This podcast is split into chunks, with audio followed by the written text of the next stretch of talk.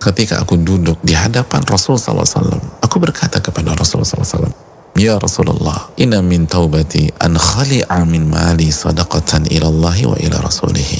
Ya Rasulullah, sesungguhnya di antara bagian dari taubatku, aku akan melepaskan sebagian dari hartaku sebagai sedekah untuk Allah dan Rasulnya. Aku akan serahkan kepada Allah dan Rasulnya. Al-Imam Nawawi rahimahullah dalam Al-Minhaj Syarah Muslim itu menjelaskan sikap Kaab ini menunjukkan disunahkan bersedekah atau berinfak atau memberikan di jalan Allah dalam rangka bersyukur atas nikmat yang Allah berikan kepada kita. Dan di antaranya adalah ketika Allah memberikan kenikmatan bertobat kepada Allah.